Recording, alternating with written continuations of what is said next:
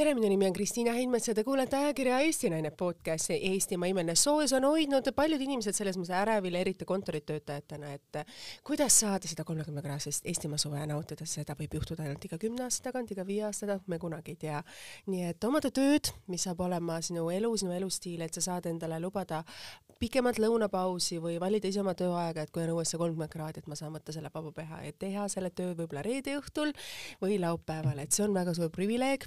privileeg on olla õnnelik ka seda tööd tehes, mida sa oled oma elukutseks nagu valinud, et ma mäletan, et kui ma olin noorem, siis mina unistasin sellest, et ma tahan saada endale ameti, mis on kindel, mis tagab mulle kindla seit-, kindla sissetuleku, et mul oleks kodu, mis oleks päris minu oma, et ma suudaksin ise oma arveid maksta, lubada endale võib-olla neid väikeseid detaile, mida iga naine unistab reisida nendesse muinasjutulisse, muinasjutulistesse kohtadesse, mida mina olin siis näinud noorena ainult võib-olla televiisori vahendusel, sest ilmselgelt reisimine Pariisi tähendas viisat, selle küsimist, lennupiletid olid, äh, maksid rohkem kui võib-olla mitme inim-, inimese mitme kuupalk, ei olnud see, et ma saan viiekümne üheksa euroga Air Balticu sooduspakkumise edasi-tagasi Pariisi ja mul mõni sõber elab seal ees ja ma saan tema nüüd diivani peal magada, et sellist, sellist luksust äh, minu noorpõlves ei olnud. nii et äh, mingil hetkel teha valik, valikuid ja võtta vastu julgeid otsuseid, et kui sa tunned, et see asi sulle ei sobi, siis see on mõnes mõttes nagu oskus, mida võib-olla tänapäeva noored oskavad paremini teha, et ähm, valid endale töö, mis teeb sind eelkõige õnnelikuks, et see oleks see, mis sind inspireerib, et sa ei võtaks seda kohustust, kuhu sa pead igal hommikul üles ärgates är,, ärgates mõtlema, et ma ei taha sinna minna, ma vihkan oma elu, ma vihkan oma tööd, ma vihkan kõike seda, mida ma teen, vaid et sa julgeksid teha neid valikuid ja riskida. just selles mõttes, et kui see ei meeldi sulle, ma valin midagi muud ja ma valin ala, mis teeb mind päris õnnelikuks, et miks mitte tänapäeval mõelda, et ma tahan saada kunstnikuks, siis ma seda ka teen, kuigi me teame, kunstniku elu võib-olla ei tähenda meile sellist stabiilsust, stabiilsust, eh, katust pea kohal ja leiba laua igapäevast, kui see on sinu kutsumus, siis igal juhul võtke see otsus ja noored ja tehke siis see asi või kasvõi nii nagu mul eelmine saatekülaline otsustas alles neljakümne kaheksandal eluaastal, et kõik see elu, mis tal on, talle ei sobi, ta hakkab tegema hoopis äri ja on täna õnnes, õnnelikus abielus ja oma selle ärivaldkonnaga, mis on hoopis terve see, mida ta tegelikult kogu elu püüdis, et teha kõike seda, mida oli mõnes mõttes lapsena kogu, kogenud ja millest ta nagu unistas. nii et mõnes mõttes ähm, on täna ka saatekülaline meil stuudios selline, kes on julgenud elada, kes ma arvan, ei oleks kunagi arvanud oma esimesest, oma esimesel töökohal, kus ta töötas kindlasti suvisel perioodil äh,, hotelliteenindajana, koristades siis nende võib-olla ütleme edukate hotellikülaliste tube Äh, ja mõelda sellega, et võib-olla tema on kunagi see, kes ei kuulu enam sellesse, kes käib seda koristamas, vaid tema kuulub see, kes ööbib seal hotellis. et ta ehitab oma elu üles selliselt, et ta teeb oma elus võib-olla selliseid valikuid, et ta saab seda endale lubada naisena, ise, ise seistes jalgade peal, et see teekond ei ole olnud mõnes mõttes lihtne ja ta on eeskujuks ka mõnes mõttes äh, ka sellepärast, et ta on alles kolmekümne ühe aastane, aga ta on kahe poja ema. ta on selle lühikese ajaga suutnud kõik ühte patta panna, ta saab sellega imeliselt hakkama, vähemalt väliselt me niimoodi seda vaatame, ja tema Instagrami postitustes on aeg-ajalt äh, sellist äh, toorest reaalsust, mida mina kolme lapse emana vaatan, et see on uskumatu, et ta julgeb selliseid postitusi teha, ta julgeb rääkida seda, et ma täna hommikul olen nii väsinud, et ma söön seda lopergust võileiba siin autos sõites tööle ja mul on kohvi kõik siia pükste peale kukkunud, aga no mida ma teen, ma olen ema ja ma ei jaksa täna, ma olin täna öösel magamata, sest lapsed lihtsalt ei maganud, miks? no neil oli tuju, aga tööle ma pean minema, siis tuleb selle kõigega hakkama saama, nii hakkama saada. ja tema need postitused, mida ta teeb tihti omale Instagrami, on täis rohkem inspiratsiooni ja tuhandeid häid sõnu kui nii mõnigi raamat, nii mõnigi võib-olla luuletaja või nii mõnegi teise autori teosed, mida me nagu loeme, ta võtab need kokku ja ütleb väga ilusasti, kenasti ära, et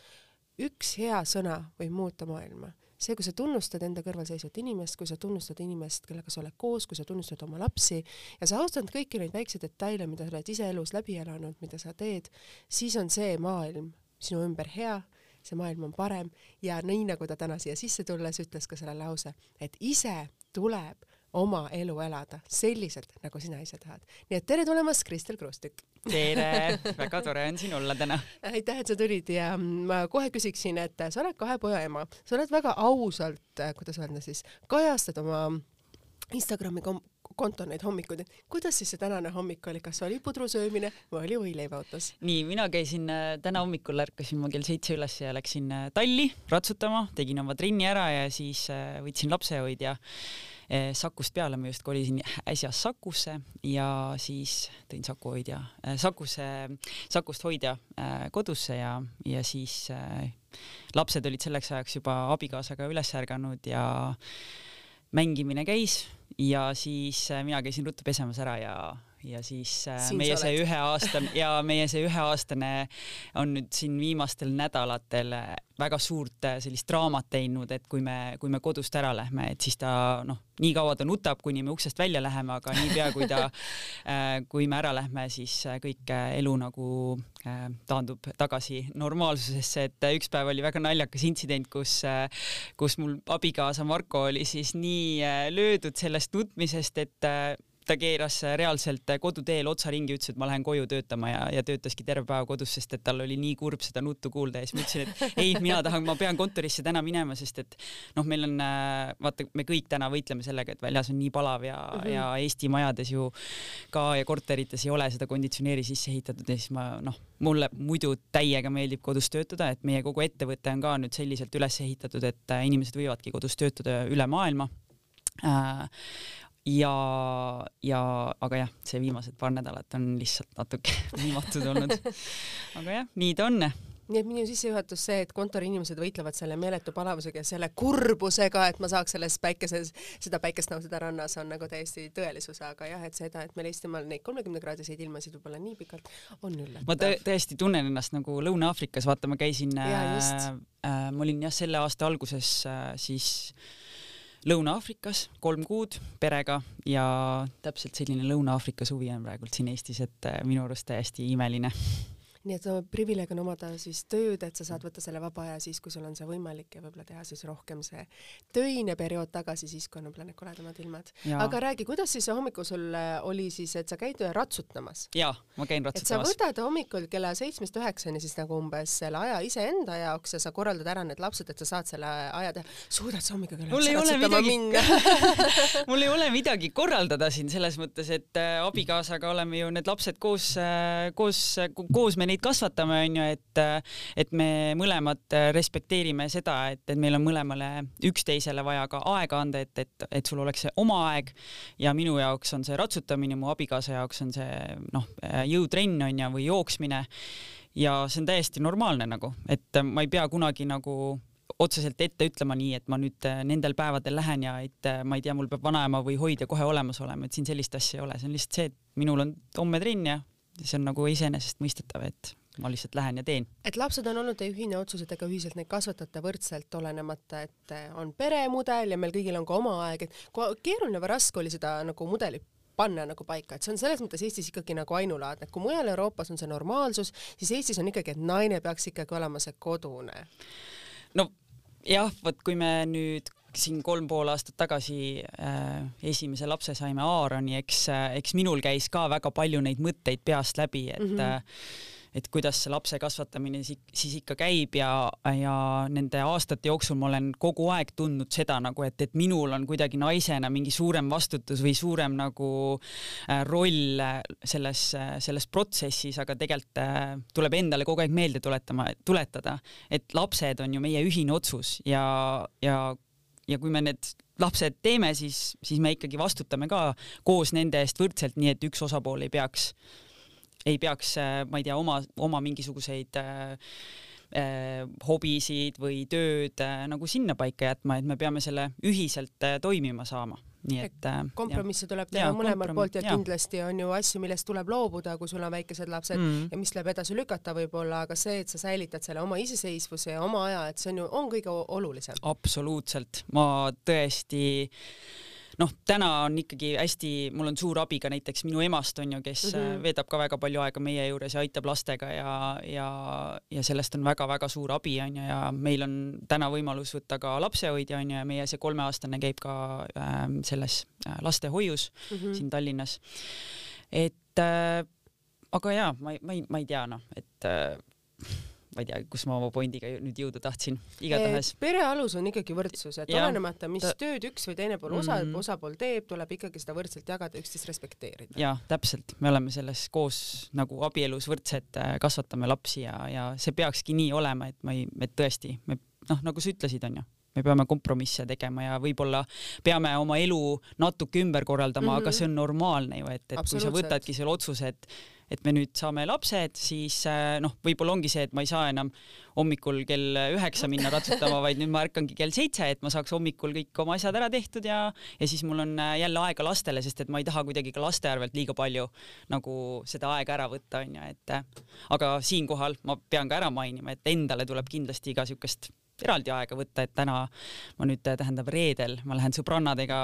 viieks päevaks Itaaliasse onju lihtsalt. ma plaksutan selle peale. ja ma olen juhu. seda aastaid teinud onju niimoodi, et, et saaks, et saaks käia ja saaks oma sõbrannadega ja sõpradega nagu aega veeta, et aga, aga see ongi see, et, et mina, meil, ma lihtsalt tunnen, et ma olen niimoodi oluliselt õnnelikum kui see, et ma ainult keskendun nagu ühele asjale onju. et, et elus ma... peab olema sellist nagu värvi minu jaoks siis ja kindlasti on ka see oluline, et sa astud korra oma sellest äh, tavakeskkonnast välja, siis kui sa tuled tagasi, sa vaatad seda hoopis teistmoodi ja võib-olla mm. see oskus hinnata seda, mida sul on nagu palju suurem, sest ikkagi see viis päeva sa oled ära, sa näed, kuidas on teised eluolud, sa puhkad ka sisemiselt, sa kuuled lõpuks omi mõtteid jälle taas, et noh, ilmselgelt väikeste laste kõrvalt on see pigem emme-emme ja see nende läheduse vajadus ju suur, et sa küll suudad ennast jagada, aga sa jooksed ju ikkagi mõnes mõttes kokku, et ma võin tunnistada, et mina olen nüüd selle endale avastanud, sa just küsisid, et oi, et sa olid äh, juunis nädala Portugalis, ma ütlesin jaa, nüüd ma olin jälle nädala ja ma lähen nüüd eh, koos õe tütrega Toskaanasse augustis. et ongi, et sa võtad selle oma aja, sa astud välja selleks, et ise jõuda tasakaalu ja mõelda, mida ja kuidas sa nagu tahad, sa just ise ja. ütlesid ka. ja see ei ole üldse, jaa, et see ei ole üldse nii, et et ma ei tea, ma nüüd lähen ja et mul ei oleks mingit laste igatsust, oh my god, mul on juba, juba praegu ma juba igatsen ette neid ja. ära, onju, aga, aga lihtsalt ma tean, et see, see reis sõpradega saab nii lahe olema ja, ja see on tõesti aeg lihtsalt enda jaoks, et äh, süüa head sööki ja lugeda raamatut ja vedeleda basseinis ja, ja nii ongi noh sa saad tunda ennast ikkagi selle tavalise lihtsa üksildas, üksi maailmas eksisteeriva inimesena, et sa ei ole nagu koos, et kindlasti olla vaata partneriga koos, olla ema, olla abikaasa, olla töökaaslane, olla hea laps või oma vanematele, et need on kõik nagu mõnes mõttes rollid, aga olla nagu päris iseendaga, saada iseendaga hakkama, et see on tegelikult hästi oluline asi, mida mõnes mõttes, kui mina olin noor, siis seda nagu ei õpetatud, me just rääkisime mm., aga sinu generatsioon on pigem juba nagu teadlikum olnud selles. jaa, et ongi, vaata, ma arvan, et sinu generatsioonil võib-olla oli ka see eeskujude puudumine ja vaata, täna me elame nagu tehnoloogiamaailmas on ju, kus äh, sul on kõik, äh, kõik internetis olemas on ju, et äh, sul on Instagramis inimesed, kes sind inspireerivad ja keda sa jälgid ja kes näitavad sulle, et elu on võimalik elada ka sellest, selle mustri väliselt või noh, me mingis mõttes loome neid uusi mustreid on ju, et, et, et minu arust nagu see on kindlasti see üks, üks asi, mis on väga tugevalt muutunud on ju ja sellepärast on ka inimeste suhtumine muutunud oskus võrrelda ennast mitte ainult siin sellesama eeskujuga, kes oli võib-olla sinu pereringis, vaid see, kes on nagu üle maailma, et mida ja kus sa tahad sa jõuda. ilmselgelt ka oma tööalased valikud sa oled ju selliselt teinud, et äh, sa alustasid ju väga noorena, et kui sa olid seal Londonis, ma just lugesin sellest perioodist, sest ja. sa oled nii ägedalt nagu seda kirjeldanud, et mis see sulle tegelikult nagu andis, et äh, mina olen alati, noh, mul on noorem õetütar, keda ma olen mõnes mõttes aidanud nagu kasvatada ja siis ma olen alati talle öelnud, et reisi, reisi, ma olen teda ära, alati nagu öelnud, et mine reisi, et kui ta sai ka ülikooli sisse, siis ma ütlesin, et võta vaheaasta, et mine reisi ja mõtle, mida sa üldse tahad nagu elus nagu selles, et et see, et sa reisid, et sa oled võõras keskkonnas, sa saad hakkama, oi küll on see raske, ma olen ka tema kõrvalt näinud, et tal olid väga raskeid, nutt oli kurgus, kui ta mulle helistas. ma ütlesin, sa saad hakkama, sa ei tule tagasi, sa pead selle võitluse läbi tegema, et võib-olla räägi omaenda sellest Londoni perioodist, et kuidas sul, see oli ikkagi väga raske ja keeruline? jaa, see oli väga raske, et esimest korda mul tekkis see reisimise võimalus, näiteks kui ma äh, tegelesin modellindusega, ma olin mingi kuusteist, seitseteist, siis noh, sai ka suvel Milanos äh, aega veeta ja noh, siis see oli selline äh, et noh, siis oli see, et tüdrukud saadeti Milanosse ja siis sa lihtsalt läksid kaasa ja kuidagi nagu kulgesid, onju, aga see Londoni otsus äh, toimus siis aastal kaks tuhat kaheksa, kui ma ähm, kui ma lõpetasin keskkooli, onju, ja minu vanem õde ähm, elas siis sellel hetkel äh, Londonis ja ta kutsus mind lihtsalt suveks sinna, ütles, et noh, et et kuna sa ei tea, mis sa oma eluga teha tahad, et tule lihtsalt Londonisse, tee tööd, teeni raha, onju, kuna seal olid palgad äh, selles teenindussektoris oluliselt suuremad, sa saad minu siin täispuhutaval madratsil magada, onju, et, et, et noh, küll kõik paika loksub ja muidugi ma võtsin selle pakkumise vastu, sest et isegi kui mul oli see hirm, et oh my god, kuidas ma saan ikkagi ingliskeelses keskkonnas hakkama, siis, äh, siis mu õde oli minu jaoks sellel hetkel nagu ja endiselt on nagu selles mõttes väga suureks eeskujuks olnud, et ta kuidagi näitas oma iseseisvusega ja sellega, et tema on samamoodi tulnud koselt äh, kolinud kaheksateist, üheksateist aastaselt äh, USA-sse, läinud tööle lapsehoidjana, ehitanud endale karjääri nagu väga ägeda, et äh, et tema oli kogu aeg see eeskuju, mis näitas mulle, et, et ka mina suudan sedasama teha nagu, mis tema suudab. ja, ja siis ongi hambad, ma ei tea, kas hambad ristis otseselt, aga noh, hirm oli ikka onju, et ma, kui ma sinna Londonisse sattusin kaks tuhat kaheksa aasta suvel, siis äh, noh, oligi see, et, et kuidas ma nüüd tööd saan onju. ja siis ma tegingi endale CV onju õega ja läksin lihtsalt astusin sattusin nendesse baaridesse sisse ja andsin oma CV ja ütlesin, et ma otsin suveks tööd. Ja siis lõpuks äh, ühes kohas näkkas ja, ja nii ta läks kas no, reisimine annab juba meeletus koguses äh, selles enesekindlust, et sa tead, et kui sa saad sellise asjaga hakkama, sa tead, et ka sa saad edaspidi hakkama, kui sul on need raskused. täpselt, nagu absoluutselt, et me oleme neid otsuseid siin äh,, mina olen, tähendab, neid otsuseid teinud siin elus vaata mitmeid mm, -hmm. et järgmine kord oligi see, kui, äh, kui ma siis selle suve Londonis ära veetsin, siis ma sain aru onju, mis ma ma ei tea, edasi tahan teha ja ma läksingi mm -hmm. tehnoloogia valdkonda, lõpetasin IT-kolledži ära ja siis IT-kolledži lõpuga kaasneski see, et mul oli jälle see hetk, et okei okay,, Eestis on kõik olemas, sul on nagu äh, kodu, auto, rutiin, töö, noh, kõik on olemas, onju. aga et kas nüüd elu sellega piirdubki, et see oli samas nagu mingis mõttes oli see selline tunne, et et oh, mul on kõik olemas, millest ma unistanud olen, onju. aga siis kuidagi nagu, et, et kas, kas see nüüd ongi kõik, et ma olen nüüd kahekümne ühe aastane ja nagu, et nii ongi. ja siis äh, ja siis jälle noh, ma mõtlesin, et võiks midagi muud teha, et võiks ennast kuskile võõrasse keskkonda visata ja ja siis äh, ma pakkusin Markole välja, et läheks äh, San Franciscosse, kuna me olime mõlemad siis tehnoloogia inimesed onju, siis äh, me läksime siis ostsime piletid San Franciscosse, pakkisime oma elu kõik kot- äh,, nelja kohvrisse ära onju. Tegime sõpradele suure peo ja läksime San Franciscosse. Ja siis pärast kahte nädalat seal olles, see oli siis aastal kaks tuhat üksteist, avastasime, et et, et meile üldse ei meeldi San Francisco niimoodi, et pärast kahte nädalat me siis otsustasime, et äh, me peame kuskile mujale minema ikkagi ja läksime, avastasime ennast siis Dominikaani vabariigist. olime kuidas kaks kuud seal. kuidas seal on elu? San Franciscost ma saan aru, aga IT valdkonnaga Dominikaanis mm.. no Marko lihtsalt avastas seal, et tema need surfisõbrad, lohesurfi sõbrad olid siis Dominikaani läinud ja nad ütlesid, et oh muidugi tulge, et noh, meil siin majas vaba tuba ka ja ja siis lendasime sinna ja ja täiesti noh, selles mõttes ma ei teadnud isegi, kus Dom Dominikaani vabariik asub esialgu onju. siis vaatasime, oo näe siin Kariibi meres ühe lennu või kahe lennuga saime siis sinna ja järgmised kaks kuud siis olime seal, et me alguses mõtlesimegi, et me ostame lihtsalt ühe äh, suunapileti ja siis vaatame, kui kaua me seal vastu peame ja, ja selle kahe kuu jooksul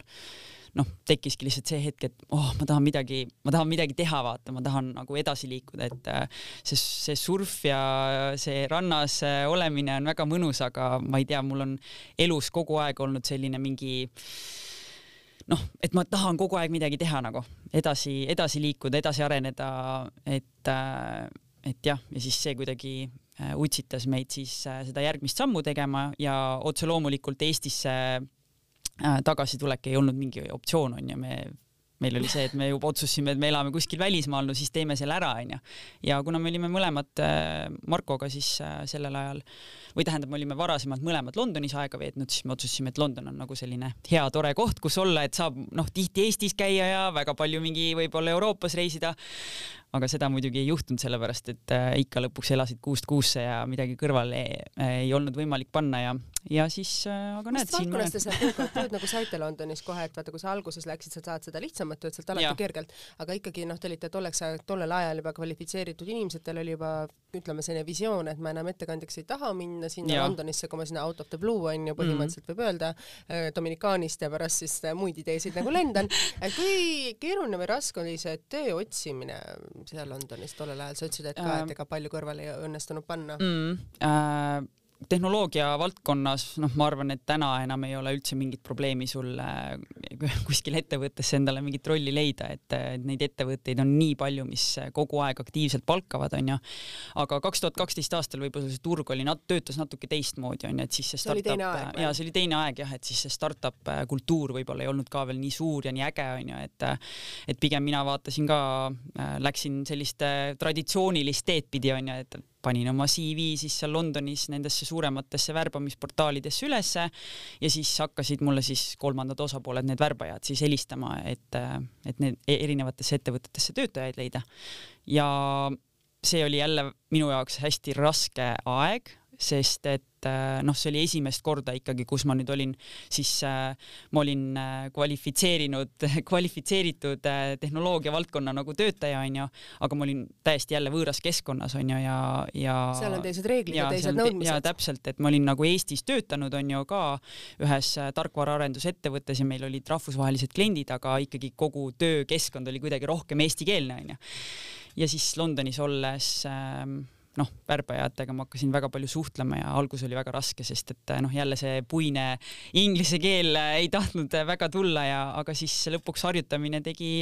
tegi mind meistriks ja ja siis mingi neli nädalat, neli-viis nädalat läks aega, kuni ma siis lõpuks töö leidsin, et see periood oli hästi aega. pingeline mm, -hmm. et see oli see hetk, kus mul tegelikult nagu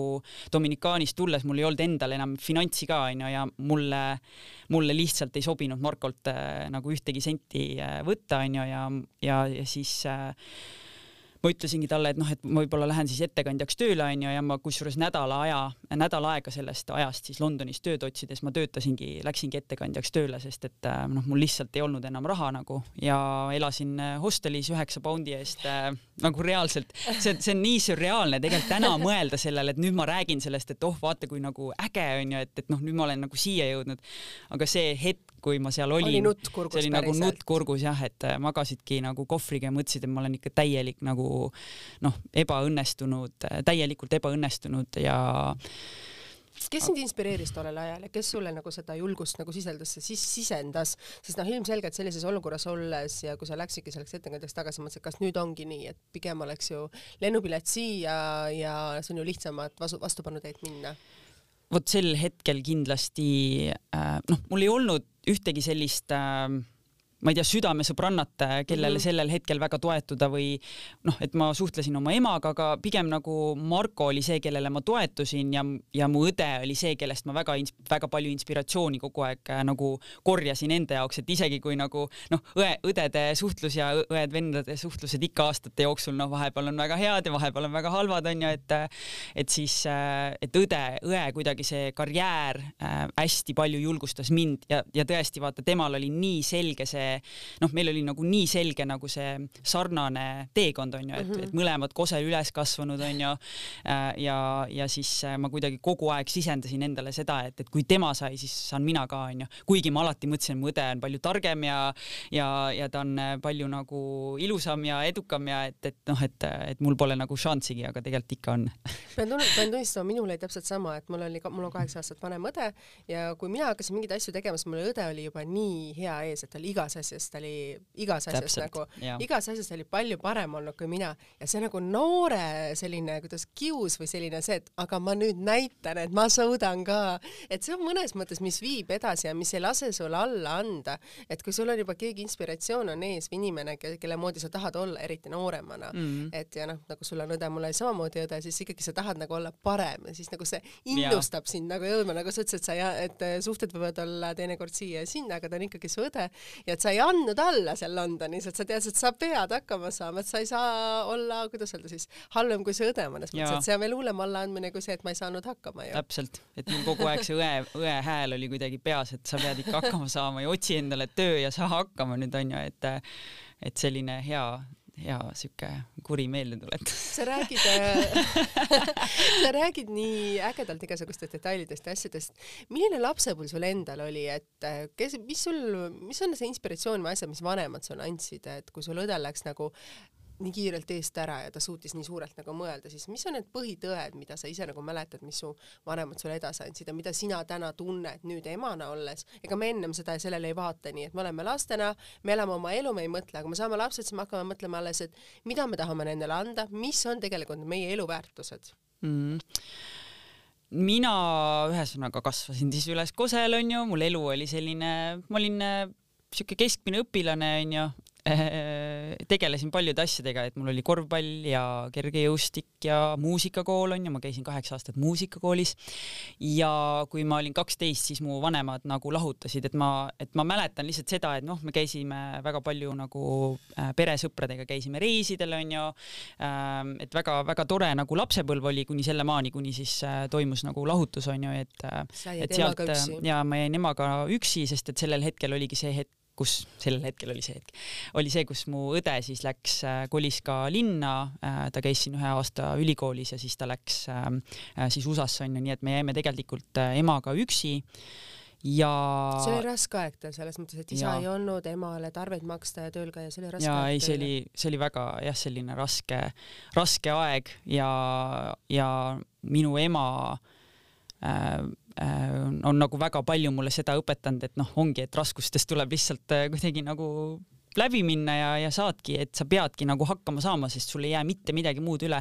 ja kindlasti teine asi, mis ma oma lapsepõlvest, ma arvan, olen kaasa võtnud ja ma olen oma emaga sellest rääkinud ka, on see, et, ähm, et see nagu järjekindlus ja järjepidevus on äh, min, minu arust kaasa tulnud, et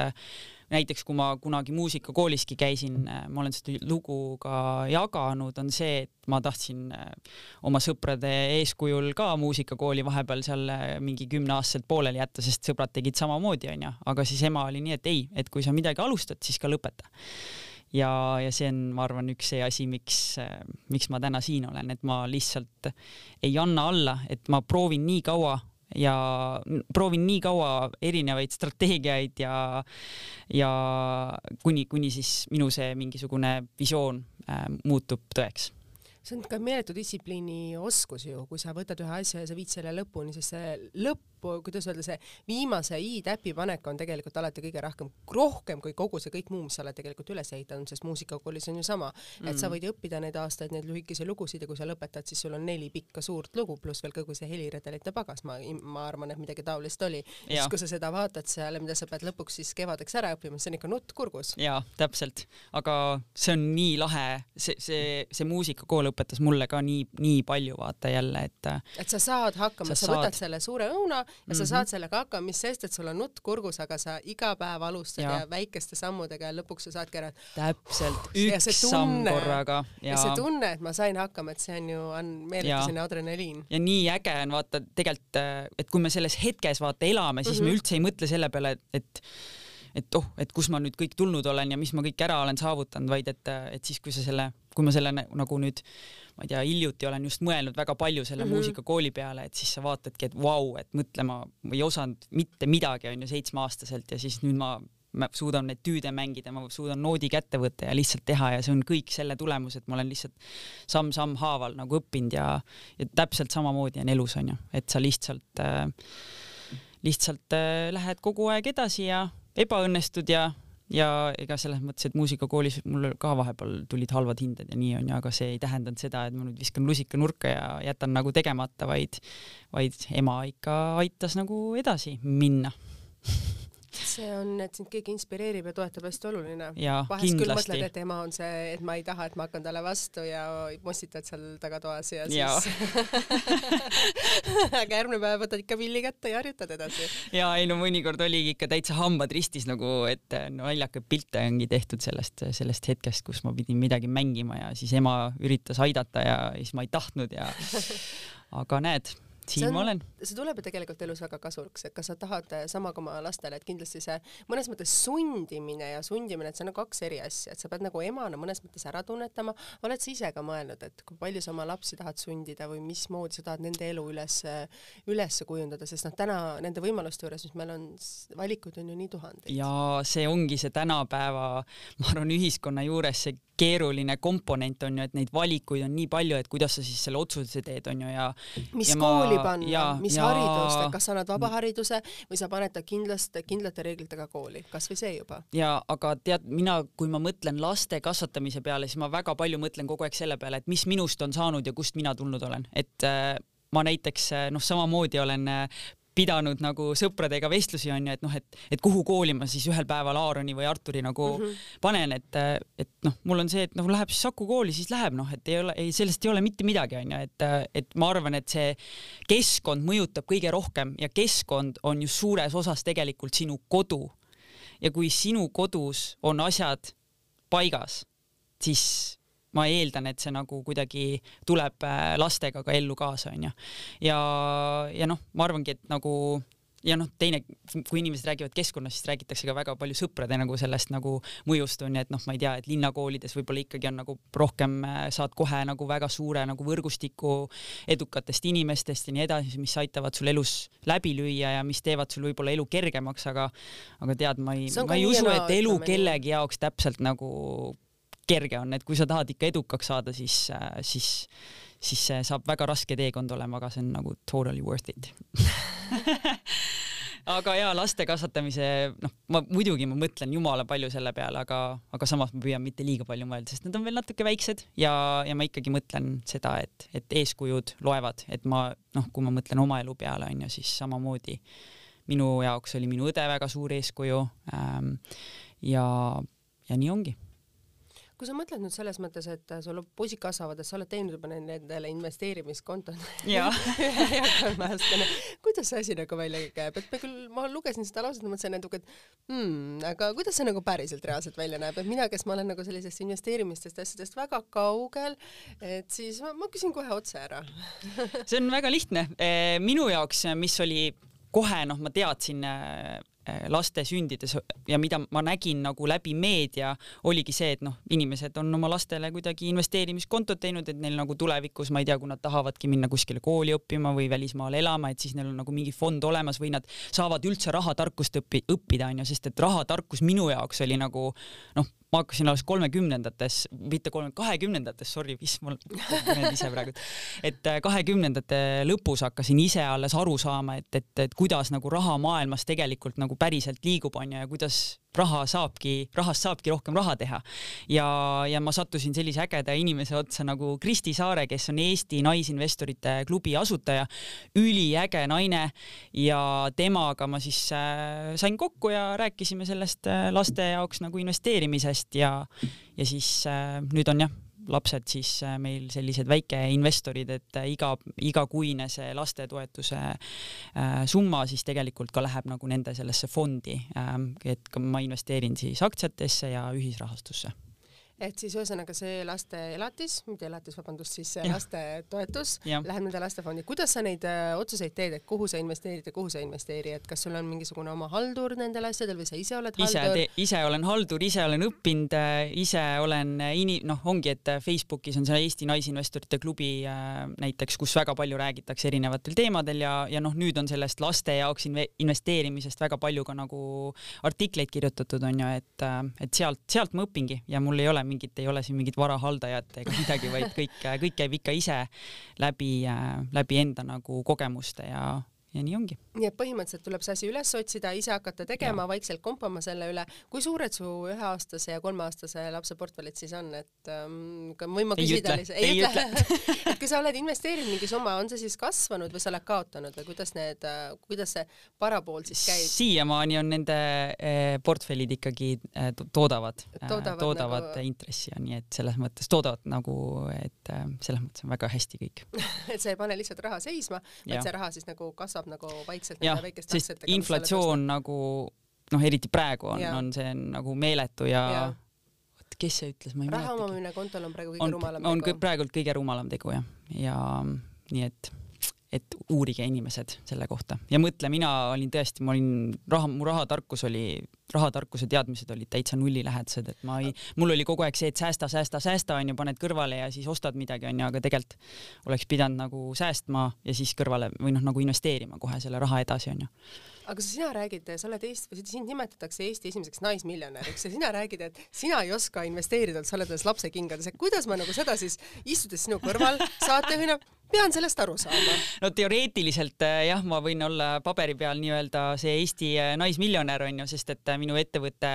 on kaasanud investeeringuid onju ja, ja see, seal on kuidagi nagu see matemaatika oli minu jaoks palju selgem, et kui ma kunagi Testlioga siis alustasin mm, -hmm. siis äh,, siis kuidagi me olime tehnoloogiaettevõte, me, me ikkagi alati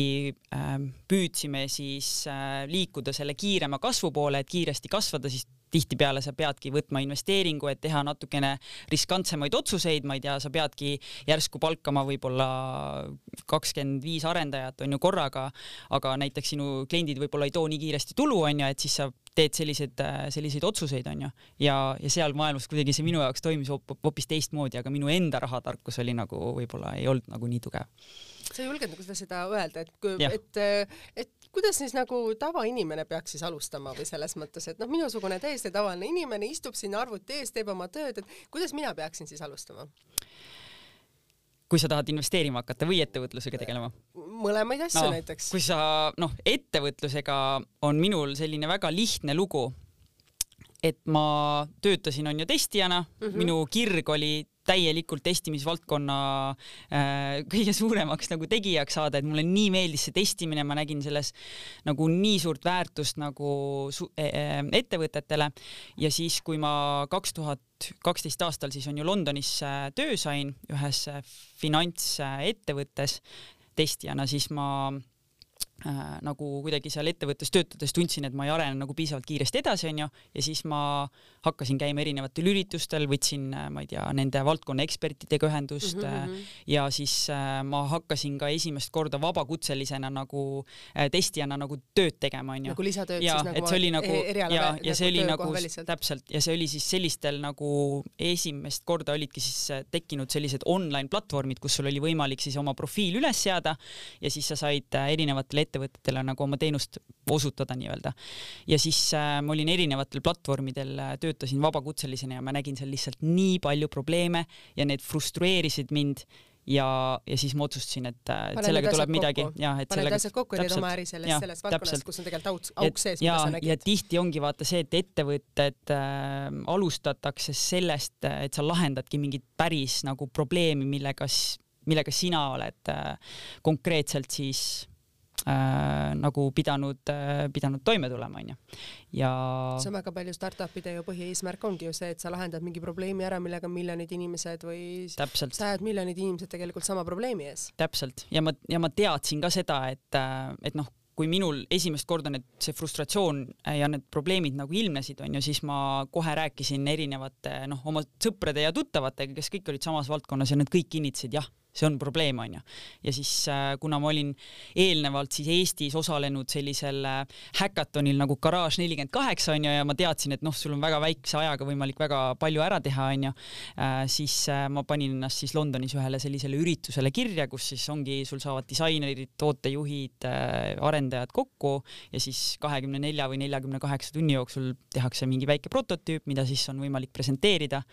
ja siis mina Londonis läksin äh, Markoga sellisele üritusele ja mille me lõpuks võitsime. nii et see kõik äh, selles mõttes algas ikkagi sellest enda väga nagu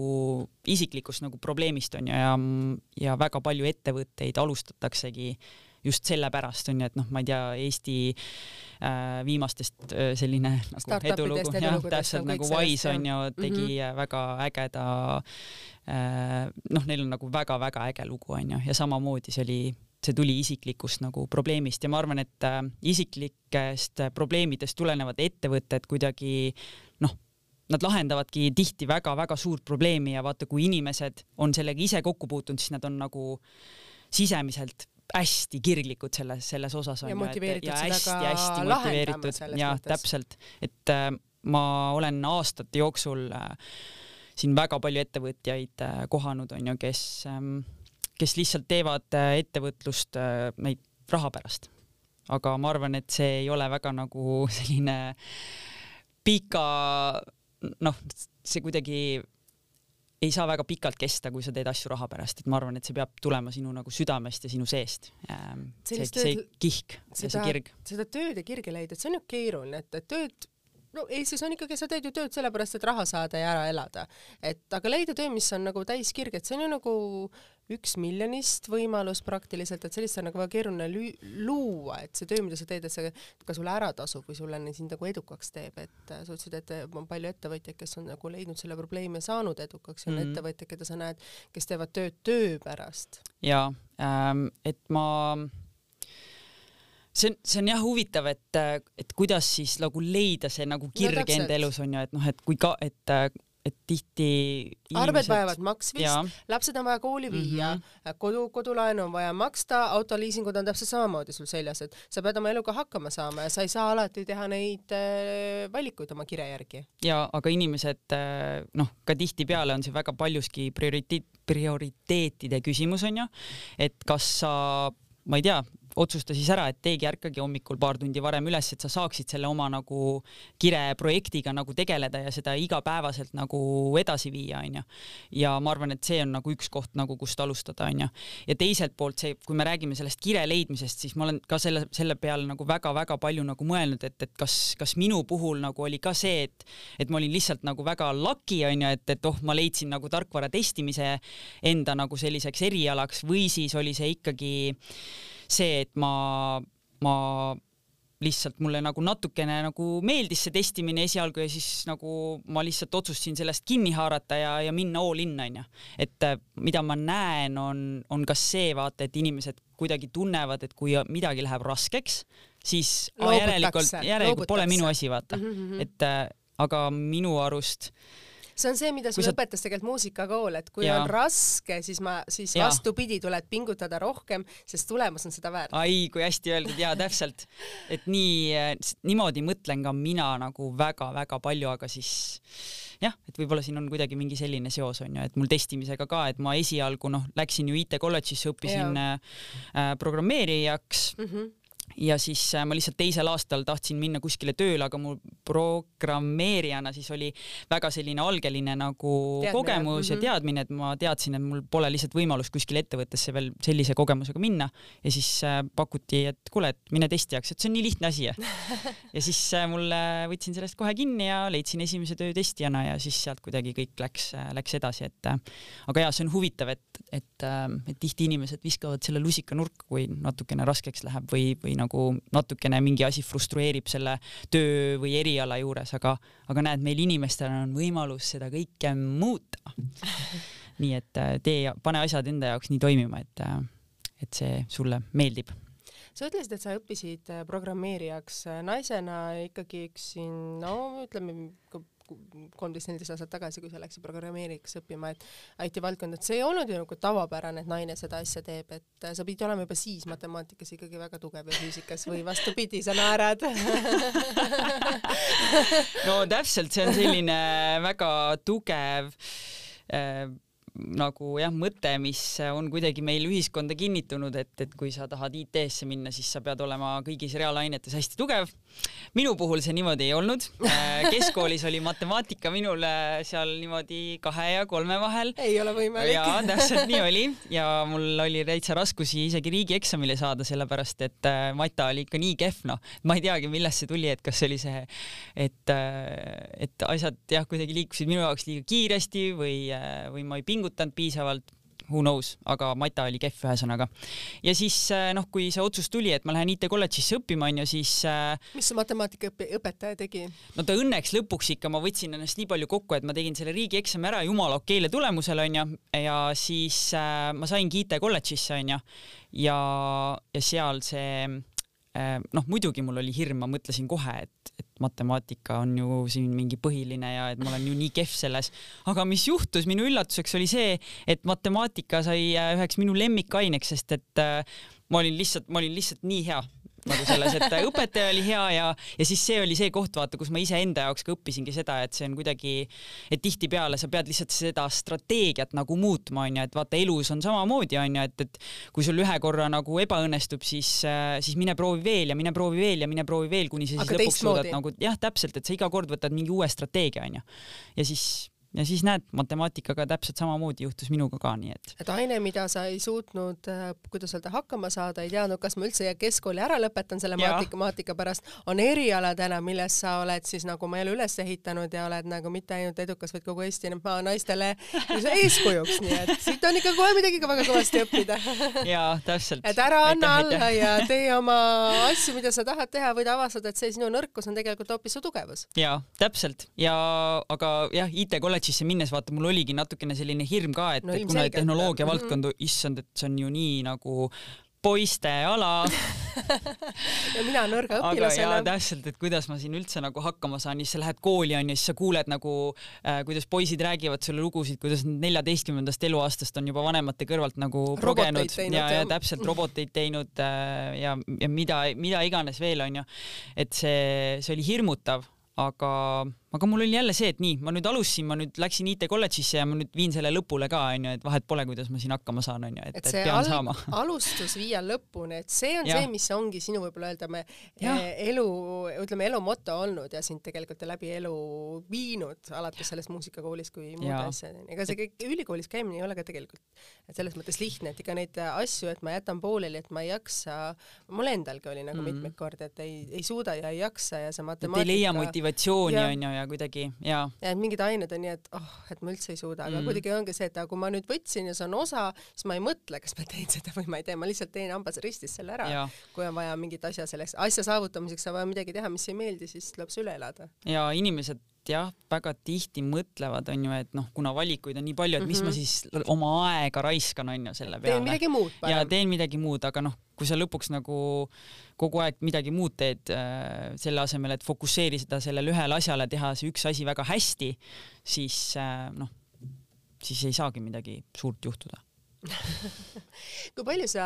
arvad, et elus võiks eksida või peaks eksima või kui palju peaks neid, ütleme, strateegiaid muutma või, või tundub sinu jaoks, et sa jooksed, jooksed peaga, noh, tihtipeale on, et me tahame midagi saavutada ja me jookseme kümme korda peaga vastu seina, et võib-olla see kõrval olev uks või need muud uksed oleks nagu paremad, et kuidas sa nagu sellisele väitele vaatad elus äh, nagu otsa? no minu arust ikka elus peab ebaõnnestuma, et äh, ja peab palju ebaõnnestuma, et sa saaksid aru, mis äh,, mis on õige ja mis äh,, mis, mis toimib, onju. ja, ja mina oma elus ju selles mõttes ma olen noh, väga palju, ma ei tea, ma võiks kasvõi sellest Londoni loost kohe nagu tõmmata erinevaid mm -hmm. fakte, kus noh, mul, ma intervjueerisin, ma ei, ma ei tea, kümneid, kümneid, kümneid, kümneid, võib-olla sada korda lõpuks on ju, oli mul neid intervjuusid seal äh, Londonis. Ja ma ju kogu aeg fail isin see, et ma tööd ei saanud, ma fail isin on ju, see oli minu jaoks täielik nagu ebaõnnestumine, aga ma sellel hetkel kuidagi ei mõelnud selle peale kui ebaõnnestumise peale, vaid pigem püüdsin nagu lihtsalt hambad ristis edasi nagu äh, edasi minna, et, et, et, küll seal tulemus nagu lõpuks tuleb, onju ja, ja muidugi ma töös olen äh, vigu teinud, ma olen äh, Tesliot ehitades väga palju vigu teinud, inimesi juhtides vigu teinud, aga ma ei saa nagu keskenduda vigadele, vaid pigem äh, mõelda selle peale, nende vigade peale, et, et see ongi lihtsalt võimalus nagu õppida ja ma arvan, et oluline on vaata vigad, eriti kui sa nagu tiimides töötad, onju mm, -hmm. et siis on oluline seda viga nagu tunnistada, onju, et, et see, see ei ole nii, et ma mingi panen lihtsalt kuskile liiva alla peitu, onju, ja lähen edasi, vaid et äh, pigem ikkagi et kui sa oled ise juhina kasvõi mingi vea teinud, et sa siis sa räägid sellest nagu ausalt ja otsekoheselt ja, ja mida sa sellest õppisid ja kuidas me nüüd edasi lähme näiteks onju. et see on, see on väga-väga oluline kas see on moto, mida sa kasutad ka mõnes mõttes oma pereelu või pereelus, see ongi seesama asi, et kui teil on probleemasi, siis see rääkida välja ja. ja läbi arutada, mitte panna pea liiva alla, öelda, et ei, seda ei eksisteeri, ma nüüd sellega ei räägi, kuni neid probleeme on nii palju, et on ainult miniväli ümber. ei, meie, meil ei ole siukest asja jah, et me midagi enda sees hoiaks, kohe kui midagi, miskit häirib või mingi paha tuju millegipärast, noh siis kohe nagu noh, lased selle auru välja, onju, et. kuidas te auru välja lasete äh, erinevat moodi, et me käime, käime siin äh, õhtuti sõpradega väljas, Mhm. pidudel, käisime just Patarei reivil üks päev väga lae oli armas. või siis, või siis ongi, lähedki lihtsalt äh, jalutuskäigule ja räägidki asjad selgeks või istudki diivani peal maha ja lihtsalt räägidki ausalt, mis häirib ja miks häirib ja kuidas sellest nüüd võitu, võitu saada. mida sa päriselt tunned ja, ja, seesmise. ja täpselt ja tihti ongi vaata see, et, et ähm, need asjad, need väiksed asjad sind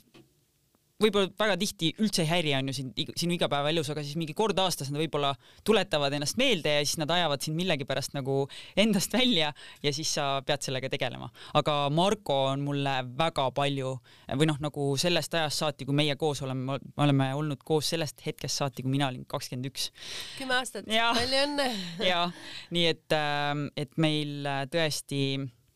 on olnud Markoga see, et Marko oli see, kes kogu aeg sundis mind nagu rääkima, et kui mul, kui ta nägi, et midagi on mul valesti, siis ta kohe ütles, et räägi, räägi, räägi, et ma, ma arvan, et kahekümne ühe aastaselt ma kogu aeg tundsin, et ma pean olema keegi, ma pean kuskile mustrisse nagu äh, ennast sättima või ma pean näitama ennast äh, kellelegi äh, paremini, kui ma, kui ma päriselt olen või midagi sellist on ju, et see. olla ühiskonna normide järgi aktsepteeritav. jaa, täpselt, täpselt jah, see ühiskonna normide järgi pidin kuidagi aktsepteeritav olema ja ma kuuluma gruppi. ja, ja ma ei tundnud, et ma mingi peaks, ma ei tea, siin äh, nüüd äh, oma mehele mingeid muresid kurtma või rääkima asjadest täpselt nii nagu on, aga Marko, noh, mind vaata väga palju kuidagi eriti suhte,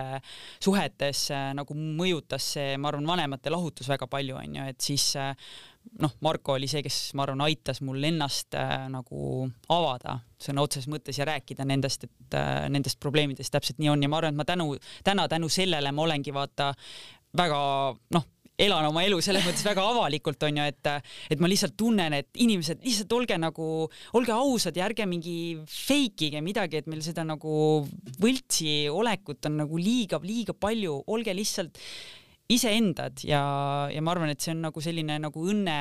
alus ka, et ma ei ütle, et ma mingi iga päev õnnelik olen, no way onju, et see, ma arvan, et elu ongi nagu tõusud ja langused, aga, aga lihtsalt äh, ma arvan, et on okei seda jagada, et siis tõesti inimesed näeksid, et kuule, et et, et see ongi elu nagu, et ära e eelda, et elu on ma ei tea, peab olema perfektne ja kõik peab olema kogu aeg hästi, see ei ole võimalik lihtsalt olen absoluutselt sinuga nõus, et tegelikult me inimestena ise ehitame enda ümber vanglad ja sest me paneme endale need normid ja need reeglid endale ümber ja siis me mõtleme, peame kõiki neid asju jälgima, mingil hetkel sa ütlesid, et mind ei huvita, ma ei jaksa ja ma ei taha ja ma teen absoluutselt seda, mida mina tahan ja ja kui sa, mida varem sa sellest tegelikult aru saad, et ela, ela oma elu selliselt, mis teeb sind õnnelikuks ja sa saad hakkama sellega, et siis see ongi tegelikult su, mis sind elus edasi viib ja sul on naeratus näol. nagu me just siin ennem rääkisime, aga teha seda, et mida kõik ootavad seda ja kõigile teistele meeldida ja teha kõike seda, mida, mida sinult oodatakse, eeldatakse ja olla muudkui iseendast muudkui parim versioon, mitte iseenda jaoks, aga teiste jaoks, siis see ei toimi. seda olen mina katsetanud. oi mulle väga meeldis jah, kuidas sa ütlesid, et äh, nagu me ise ehitame enda ümber mingeid müüre, absoluutselt. et see ei peaks üldse nii olema. Ela olla- vaba elu ja ole, ole sina ise ja, ja sa ütlesid väga hästi, et ärme feigi, vaid mm. -hmm. oleme täpselt need, kes me oleme ja julgeme olla need, kes me oleme. hästi paljud nagu kardavad äh, nagu Jaa. näidata tegelikult, kes nad on ja eks mis meis nad on. jaa, täpselt, eks, eks meid kõigis on ju vaata ebakindlust ja sellist nagu kogu pidevat äh, enese küsitlemist on ju, et noh, kas see, mis ma nüüd teen, on õige, on ju. aga tee seda, mis teeb sind õnnelikuks Jah. ja elu on meie endi kätes. nii et õnn on meie endi kätes. täiega, täiega meie enda kätes, nagu tõesti, nagu inimesed ei peaks üldse frustreeritud olema kogu aeg, vaid pigem, pigem leidma neid häid asju elus ja kõik sellised probleemid keerama enda jaoks nagu võimalusteks.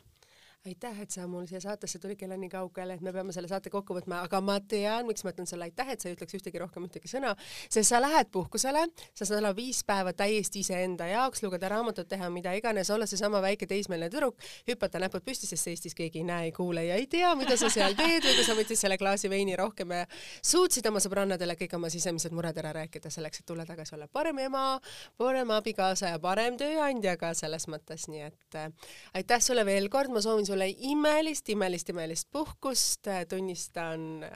aeg iseenda jaoks on meil naistena kõige tähtsam ja julgus välja öelda, et see on mulle vajalik ja respekteerimine teiselt poolelt on täpselt sama vajalik. nii et aitäh sulle, Kristel, ilusat reisi, aitäh teile, kallid kuulajad, ma loodan, et see saade oli natukene täis rohkem särtsu inspiratsiooni võib-olla kui mõni teine saade, aga iga saade ongi täpselt selline, nagu meil on saatekülaline, ilmselgelt see naeratus, mis mul siin teisel pool lauda on. Reedab seda, et äh, Kristel on särav ja väga äge naine. aitäh teile veel kuulajad ja saade on kuulatav alati Delfi, Delfi taskus keskkonnas, SoundCloudis ja Spotify's ja kohtume teiega juba nädala pärast, kus on stuudios uus külaline, uued teemad ja hoopis teine saatetempo. head aega!